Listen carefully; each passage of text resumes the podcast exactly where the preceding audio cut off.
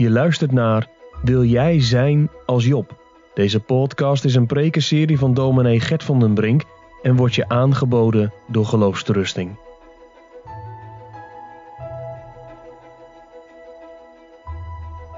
Wij openen het woord van God in het Bijbelboek Job en daarvan lezen wij het laatste hoofdstuk, Job 42. We hebben um, voor de Leiderstijd, is alweer even geleden, heel wat keren geluisterd naar de boodschap uit het Bijbelboek Job. En op dit moment wil ik zowel de serie over Job afsluiten met uh, een preek over uh, dit laatste hoofdstuk. En dat ook verbinden aan het thema van het eeuwige leven. Dus er zijn twee lijnen als het ware die op dit moment samenkomen. Laten wij dit hoofdstuk samen lezen. Job 42. En hier spreekt het woord van God als volgt. Toen antwoordde Job de Heere en zei, ik weet dat gij alles vermoogt en dat geen van uw gedachten kan afgesneden worden. Wie is hij, zegt gij, die de raad verbergt zonder wetenschap? Zo heb ik dan verhaald hetgeen ik niet verstond. Dingen die voor mij te wonderbaarlijk waren, die ik niet wist. Hoor toch en ik zal spreken, ik zal u vragen en onderricht gij mij. Met het gehoor des oors heb ik u gehoord, maar nu ziet u mijn oog. Daarom verfoei ik mij en ik heb berouw in stof en as.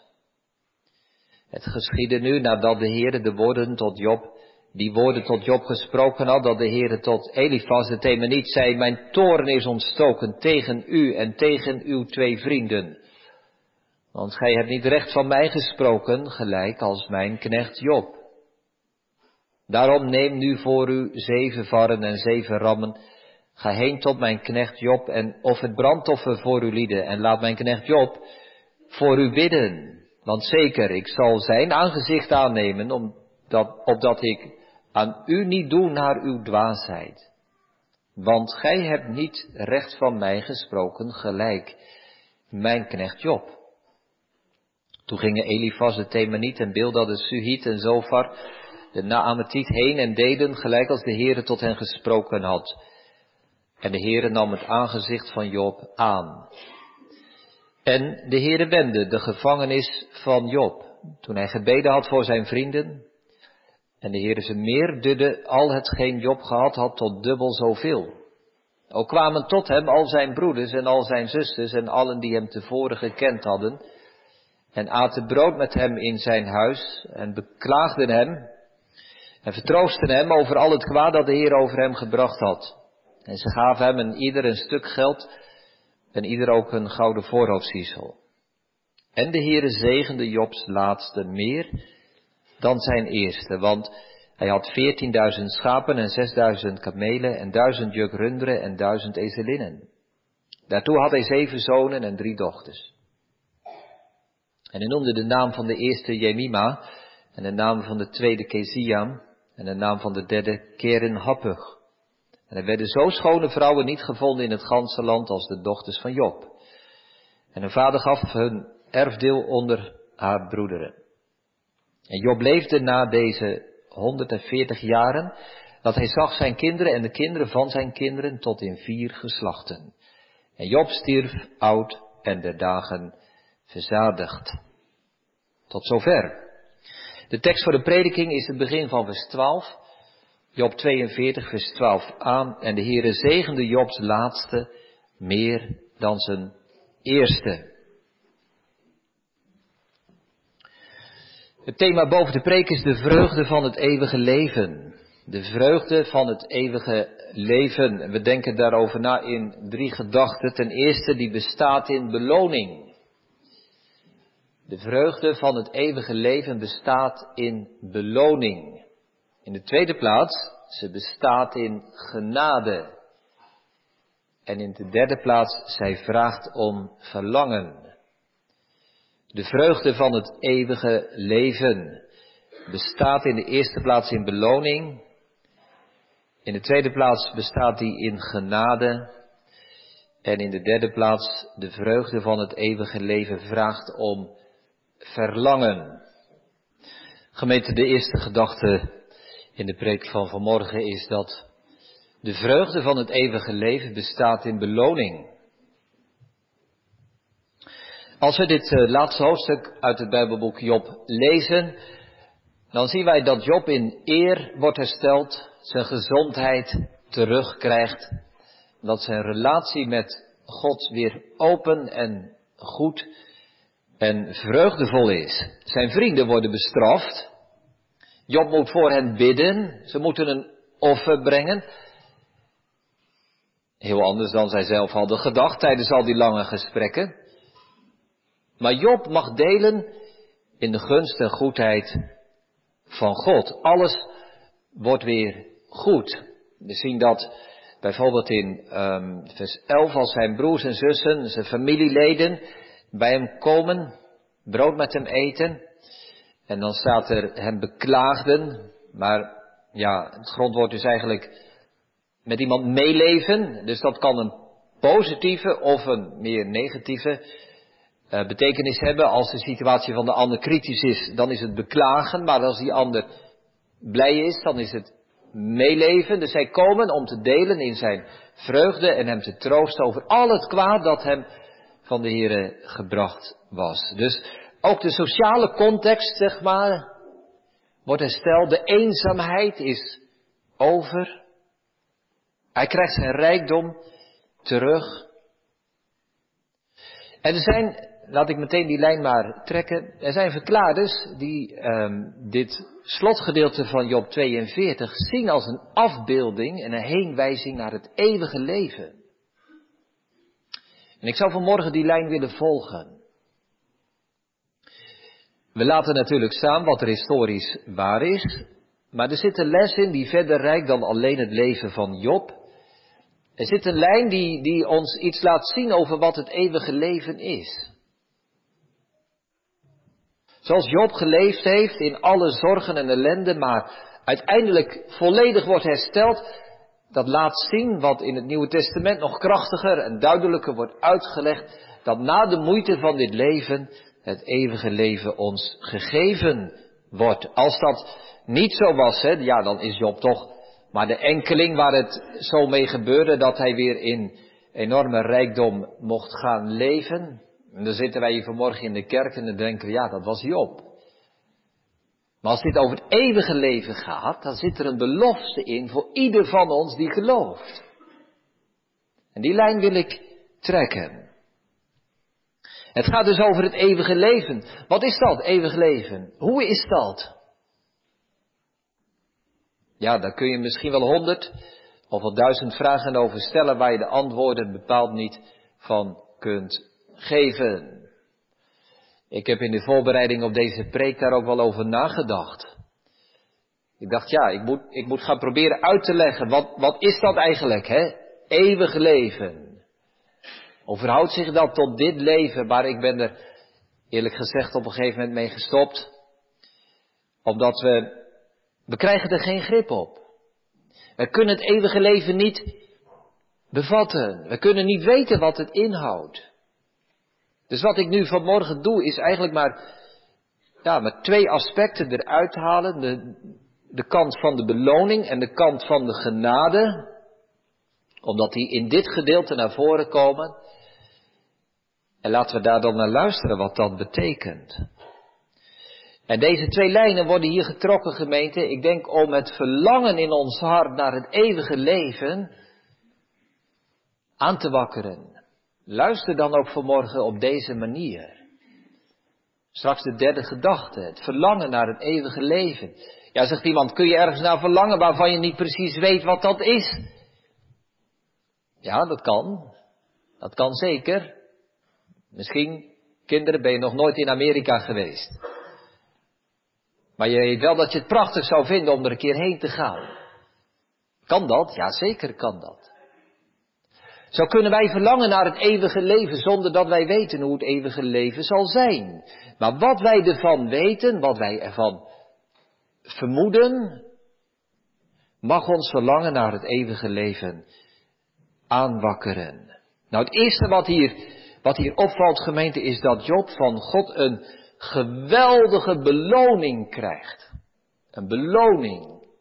Dat al zijn worstelingen en zijn volharding en zijn geloof in die moeilijke, in die duistere, in die zware periode in zijn leven niet voor niets is geweest.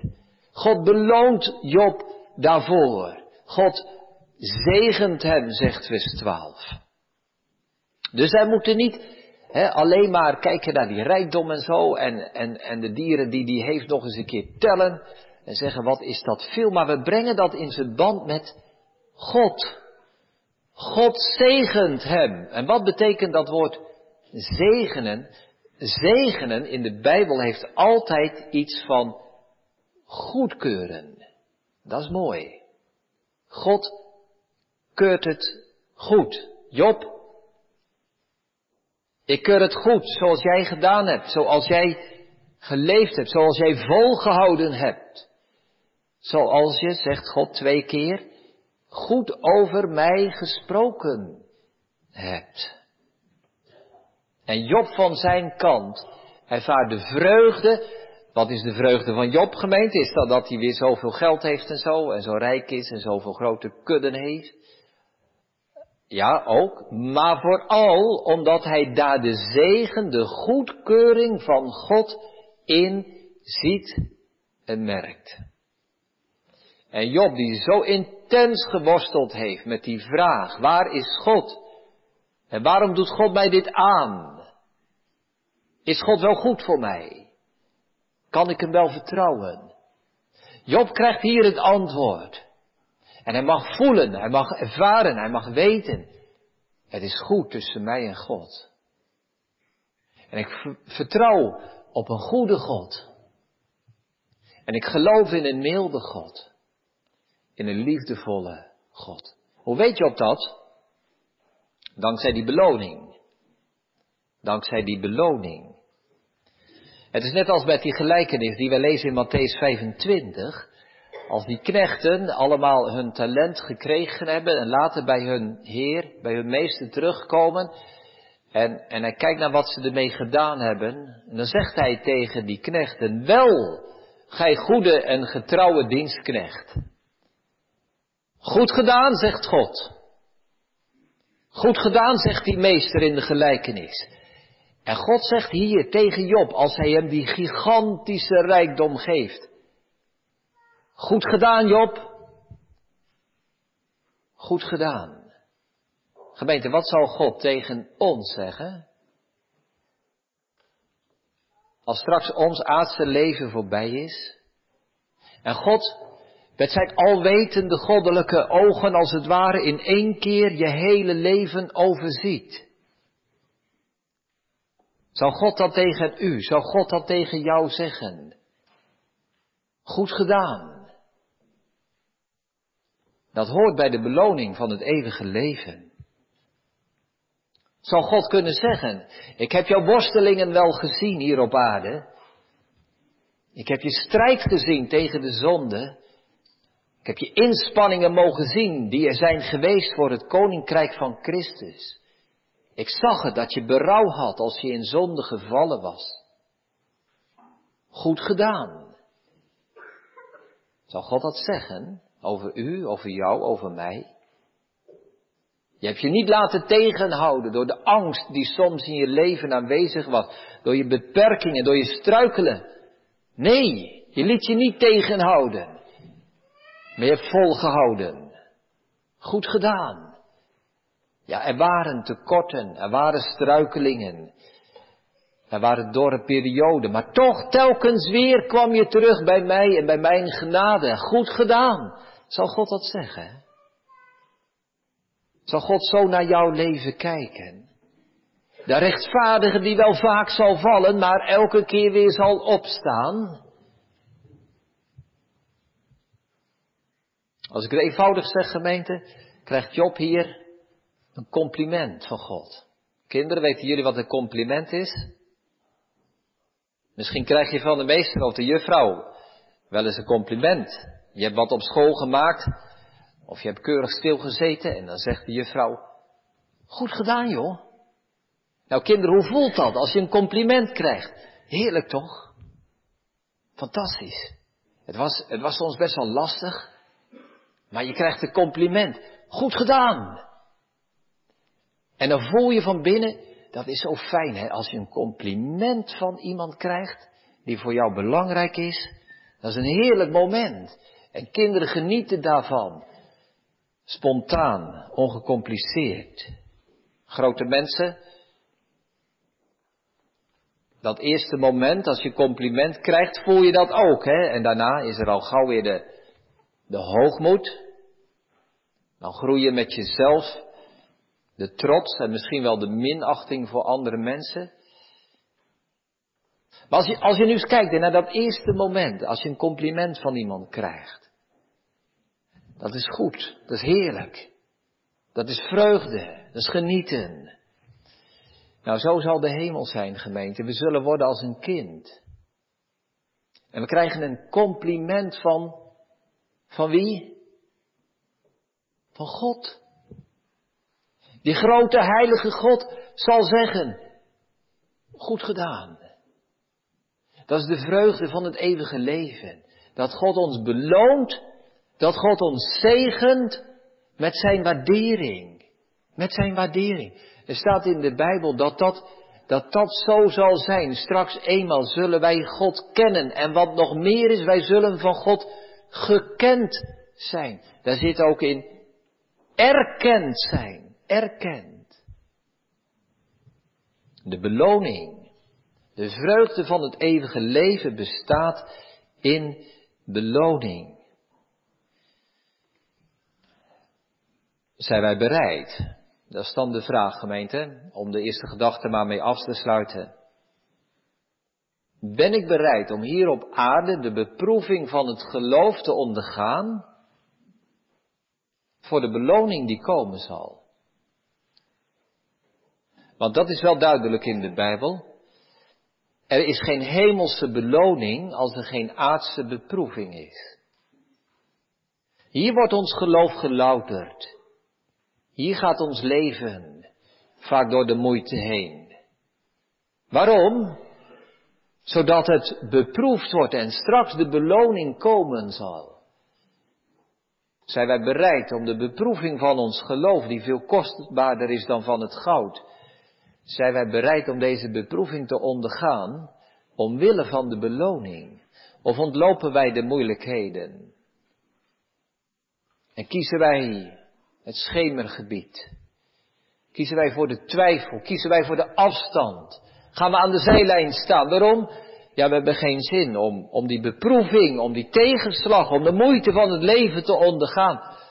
Ja, dan zegt de Bijbel, dan zal er straks ook geen beloning zijn. Dan zal er geen hemel zijn. Voor degenen die de beproeving ontlopen. Onze eerste gedachte. De vreugde van het eeuwige leven bestaat in beloning. We gaan naar onze tweede gedachte. Iemand zegt, ja maar, dat woord beloning, ik, ik ben daar toch wel een beetje huiverig voor. U gebruikt dat zomaar en u zegt dat, u gaat ervan uit, maar, maar het is toch genade? Kunnen wij wel zomaar spreken over beloning? Het is toch het werk van Christus en niet van ons waar het in de Bijbel om gaat. Nou, ja, misschien zijn wij eigenlijk wel te huiverig voor dat woord beloning geworden. Lees de Bijbel maar en je komt het tegen, telkens weer, Oude Testament, Nieuwe Testament. Dat God de werken, de inspanningen van de gelovigen beloont.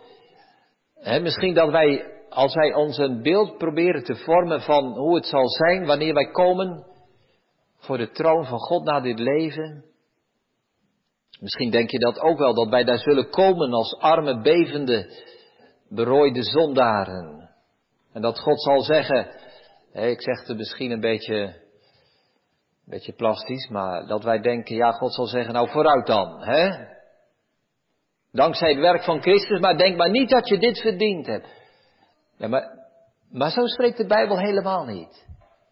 De Bijbel heeft het vaak over beloning, over beoordeling van goede en kwade werken. Van kwade werken, ja, maar ook van goede werken. Prediker 12, zo eindigt het Bijbelboek Prediker.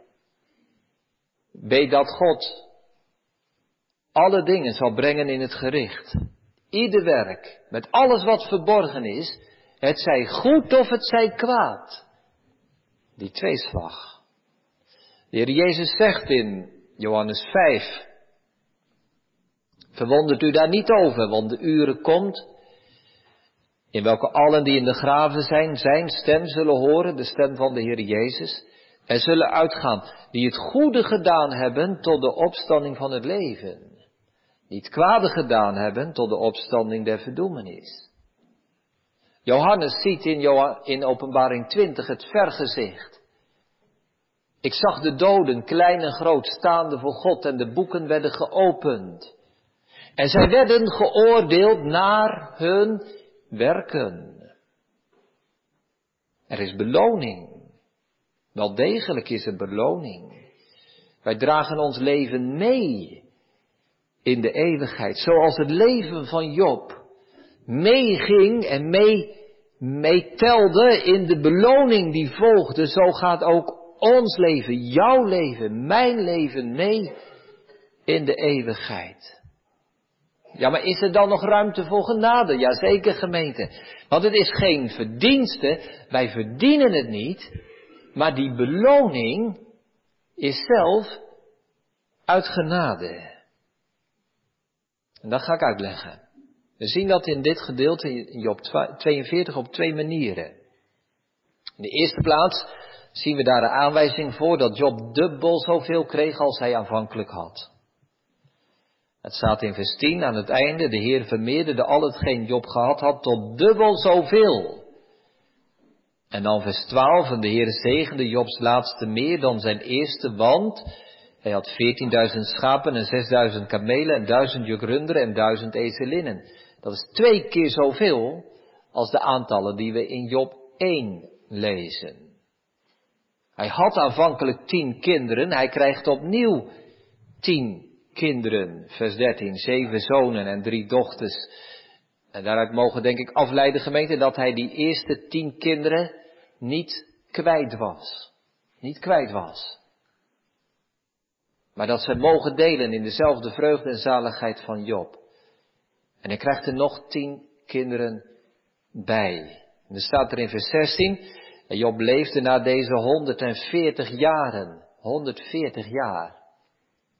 Mozes zegt in Psalm 90, als wij sterk zijn, 70 jaar. Als we heel sterk zijn, leven we 80 jaar. Maar Job krijgt gewoon het dubbele van die 70 jaren. 140 jaar krijgt hij er nog bij. Dat is genade, gemeente. Dat is genade, dat God dubbel zoveel geeft. Veel meer dan je ooit kunt verdienen. Dat is God. Wij bidden dat zo vaak. Ja, Heere God, hè, we hebben het niet verdiend, maar... Ja, maar het gaat niet over verdienen. Het gaat over de mildheid, het, over de goedheid, over de genade van God. Dubbel zoveel krijgt Hij. En zo geldt dat voor ons. Kunnen wij het eeuwige leven verdienen? Natuurlijk niet. Hoe zouden wij kunnen, gemeente, de gedachte al dat je recht zou hebben op eeuwig leven. De gedachte alleen al dat wij dat zouden kunnen verdienen. Zelf kunnen bewerkstelligen dat we straks eindeloze, onophoudelijke vreugde zouden kunnen verdienen. Nee, we krijgen dat. Hij schenkt uit goedheid, zonder pijl, ons het eeuwig zalig leven. Dus het is genade. Het eeuwige leven. De vreugde van het eeuwige leven bestaat in genade. Ik zie nog een blijk in dit gedeelte van de genade van God. Nog een manier. Als God hier Job beoordeelt, gemeente, in eh, vers 7. En verderop nog een keer, vers 8 aan het einde, dan zegt God dat Job recht, goed, waarheid van mij gesproken heeft. Dat is een wonderlijke uitspraak. Als je het hele Bijbelboek een keer doorleest, dan kom je allerlei zinnen en uitspraken en beweringen van Job tegen, waarvan je denkt, Job, hoe, hoe durf je te zeggen? Hoe kun je dat maken? Doe je daar God recht mee? Maar als God zo dat leven van Job overziet, dan zegt God tegen die vrienden, Job heeft recht, heeft goed van mij gesproken. Hoe kan dat? Hoe kan dat? Ik zie er dit in dat God Job beoordeelt op zijn beste momenten. Er waren allerlei momenten in het leven van Job die nou niet zo verheffend waren, die onder de maat waren, waarin hij te ver ging, waarin hij wanhopig was, waarin hij wellicht ongelovig was. Maar als we Job 42 lezen, horen wij daar niets meer van terug. God selecteert het goede, het mooie eruit en hij zegt, dat is Job. En we zien diezelfde lijn wel vaker in de Bijbel. Als je het Bijbelboek Genesis leest over Abraham, is allemaal niet zo verheffend. Het is allemaal niet zo mooi wat Abraham doet en zegt en denkt.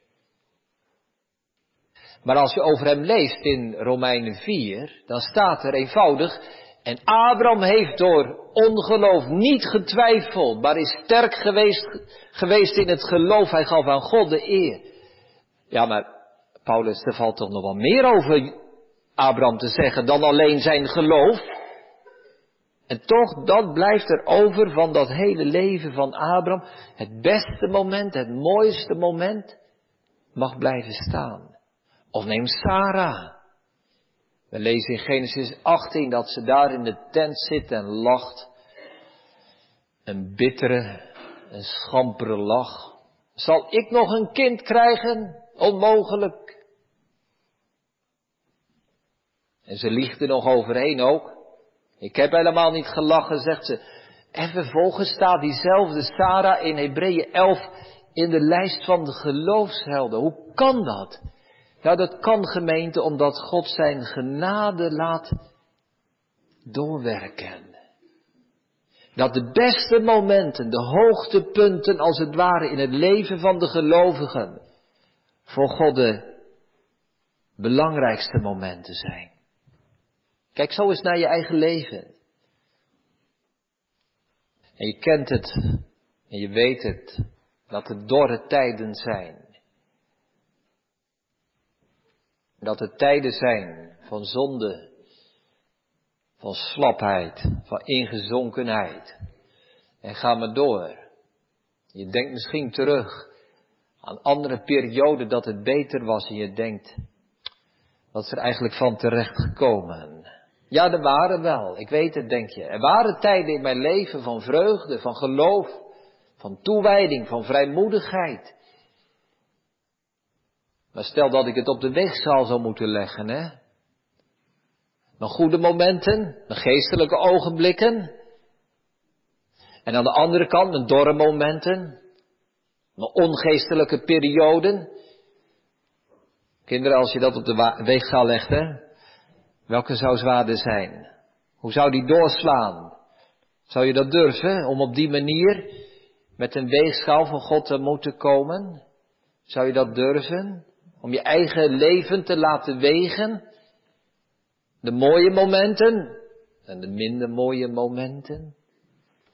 Stel je voor dat God ons zo beoordeelt.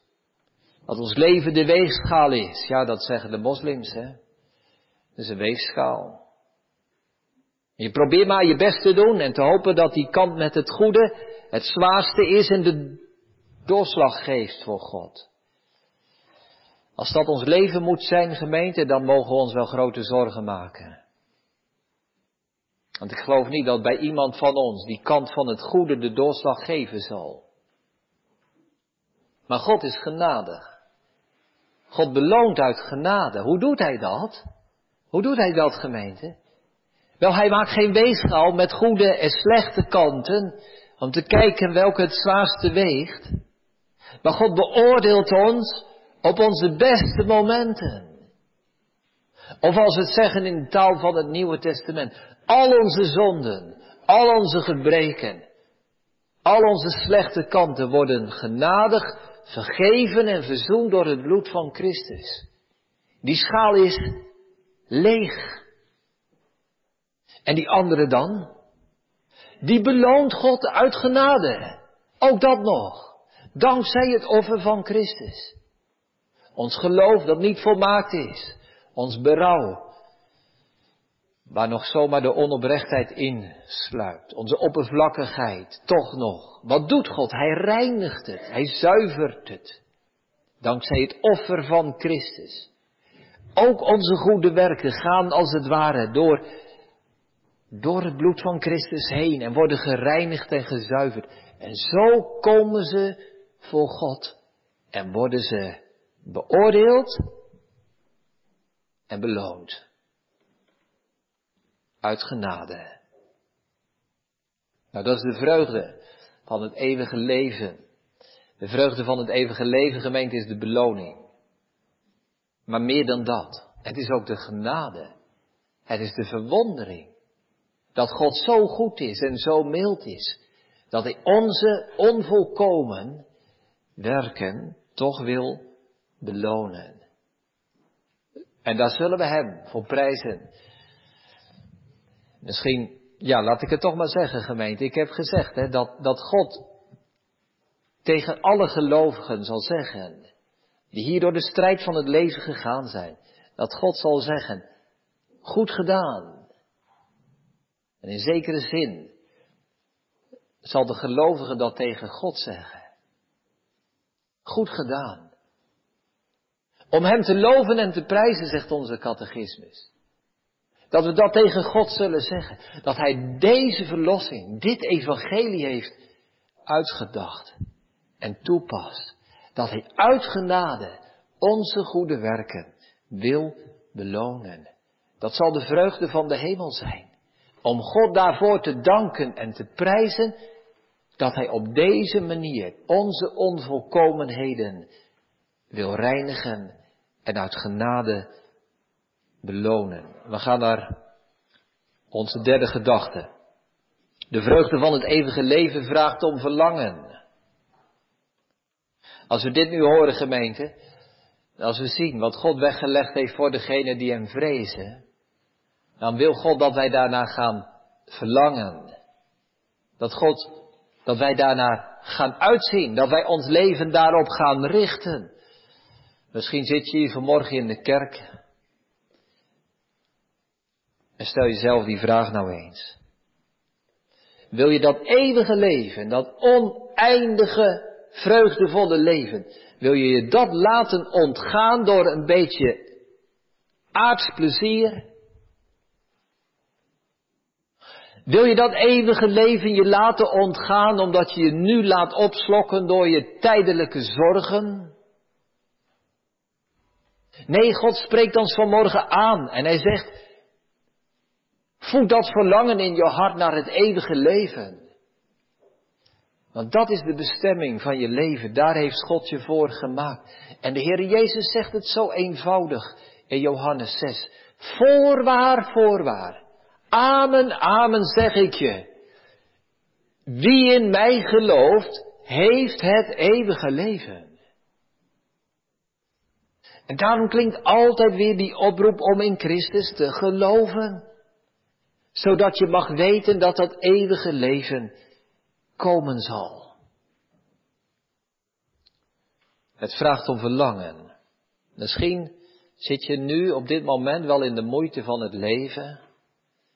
En komen er duizend vragen op je af en ben je moedeloos en ingezonken. Misschien is het ongeloof wel heel sterk op dit moment. En denk je, wat heeft het eigenlijk allemaal voor zin om naar de kerk te gaan, om God te dienen? Ik vind er geen vreugde meer in en het is zo ver weg. Waarom zou ik eigenlijk volhouden? Waarom zou ik er maar niet mee stoppen? Hou vol, want het eeuwige leven komt. God zal je belonen, juist die moeilijke periode waar je nu wellicht in zit. Juist die moeilijke periode in het leven zijn voor God de belangrijkste perioden. Daar vindt de beproeving plaats. Daar vindt de loutering plaats. Op grond daarvan vindt ook de beloning plaats. Denk eens in wat dat inhoudt. Op grond daarvan vinden beloning plaats. En als je nu mag volhouden en God niet loslaat, als je nu mag volharden, dan zul je straks de vruchten mogen plukken. Als je nu blijft geloven en blijft strijden en de hoop niet verliest. Dat is ook het evangelie gemeente, dat wij die beloning ons voor ogen mogen stellen. Zoals de Heer Jezus zelf dat gedaan heeft. Hebreeën 12 vers 2.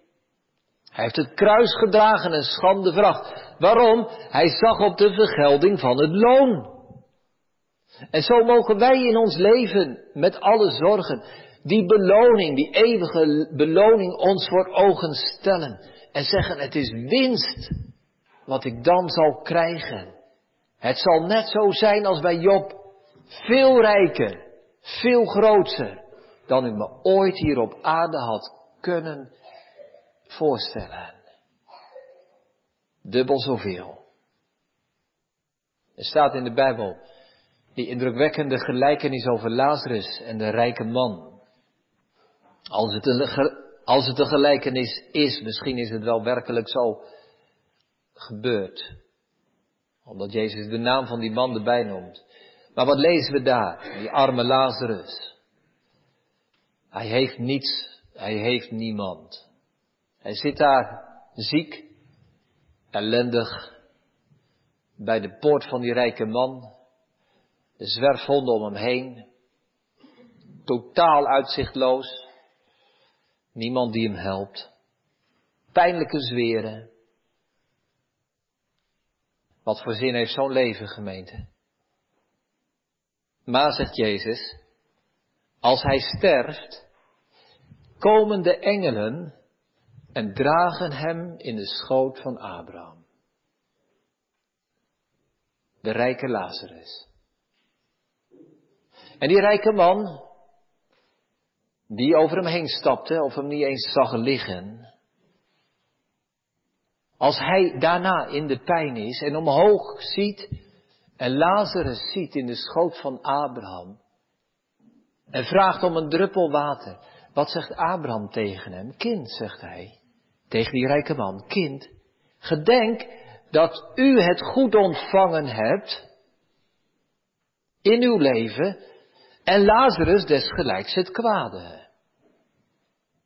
En, zegt Abraham, en nu wordt hij vertroost. Waarom werd Lazarus vertroost? Omdat hij zo'n goede gelovige was en zo volgehouden had en zo doorzetter was.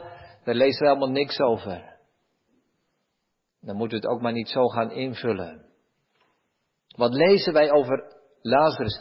Eenvoudig dit gemeente, dat hij het kwade ondergaan had, hier op aarde, en straks in de hemel vertroost wordt. En omgekeerd die rijke man, je hebt jou goed al gehad hier op aarde. En nu leid je pijn in de vlam. Indrukwekkende gelijkenis, indrukwekkende gebeurtenis. We mogen dat meenemen. Gisteren was er een informatiedag voor mensen met, die te maken hebben met seksueel misbruik. Ik heb op die dag gesproken en die mensen ontmoet. En toen kwam dit gedeelte uit Lucas 16 over Lazarus ook nog te sprake. Dat is een geweldige troost. Als je soms die verhalen hoort van mensen. Waarvan je denkt, komt dat ooit, kom je er ooit overheen? Hebben ze misschien wel levenslang? Is het niet zo ingewikkeld? Zit het de pijn en de beschadiging niet zo verschrikkelijk diep? Is er wel iets van perspectief en uitzicht? En toen hebben we samen deze geschiedenis van Lazarus gelezen. Dat God dat belooft. Je krijgt geen antwoord, net zo min als Job, op die vraag waarom al dat lijden in mijn leven? Waarom al het lijden in de wereld? Waarom God? We krijgen geen antwoord, ook niet in Job 42. Maar we krijgen wel deze boodschap. Je hebt het kwade ondergaan en straks word je vertroost. En straks word je vertroost, dan is het voorbij. Dan geeft God zijn genade. En dan mag je rusten in de schoot van Abraham. Dat mogen wij meedragen. Als je nu in moeilijke perioden zit, als het leven zwaar is, als het soms uitzichtloos is, als je niet weet hoe je verder moet, als je denkt hoe, hoe kom ik erdoor? Komt hier ooit een einde aan? Denk dan aan dit Bijbelboek Job. Die, die enorme, die overweldigende rijkdom en die vreugde en die beloning aan het einde van het Bijbelboek. Gemeente, dat sluit niet aan bij het begin, hoofdstuk 1, vers 1 tot en met 11, als Job zo rijk is. Maar dat komt uit die, die lange, die zware, die donkere middenperiode. Dat Job in de ellende zit.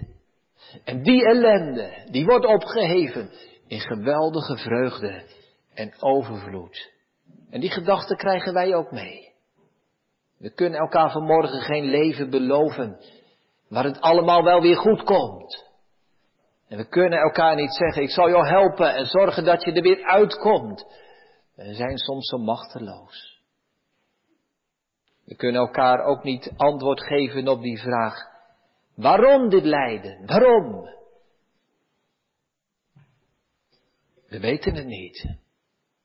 Maar we krijgen wel deze boodschap voor ieder, voor iedereen die gelooft. Voorwaar, voorwaar zeg ik u, zegt de Heer Jezus. Wie in mij gelooft, heeft het eeuwige leven. Nu ontvang je het kwade. Straks word je vertroost. Er zit aansporing in voor ons allemaal. Om dit leven, mag ik het zo zeggen, om dit leven uit te buiten om dit leven te gebruiken. Ons voor te bereiden op wat komen gaat.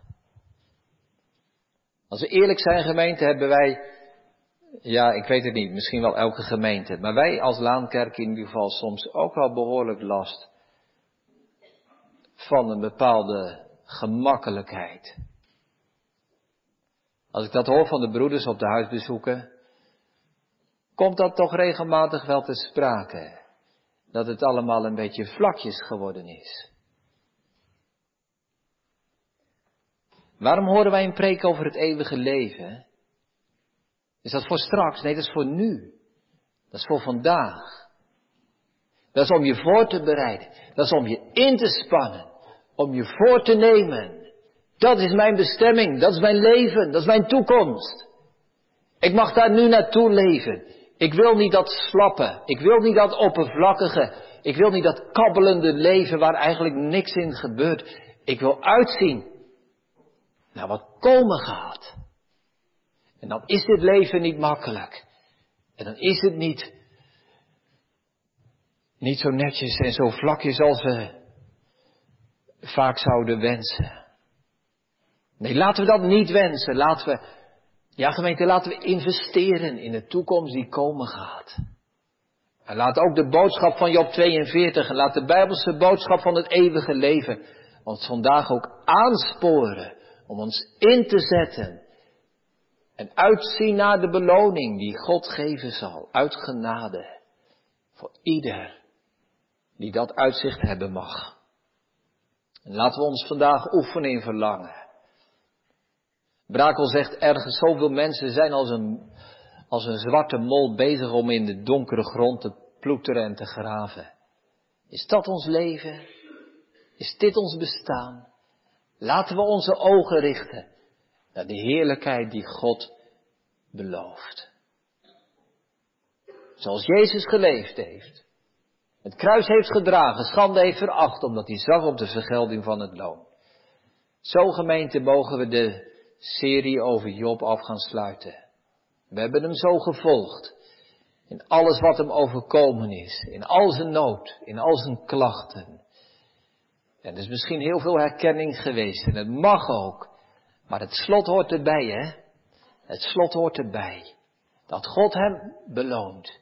Dat God bij hem is. Dat God hem zegent. En zegt. Goed gedaan, Job. Ga in in de vreugde van je Here. Die aansporing krijgen wij ook vanmorgen mee. Let op de vrome, zie op de oprechte, want het einde van die man zal vrede zijn. Amen.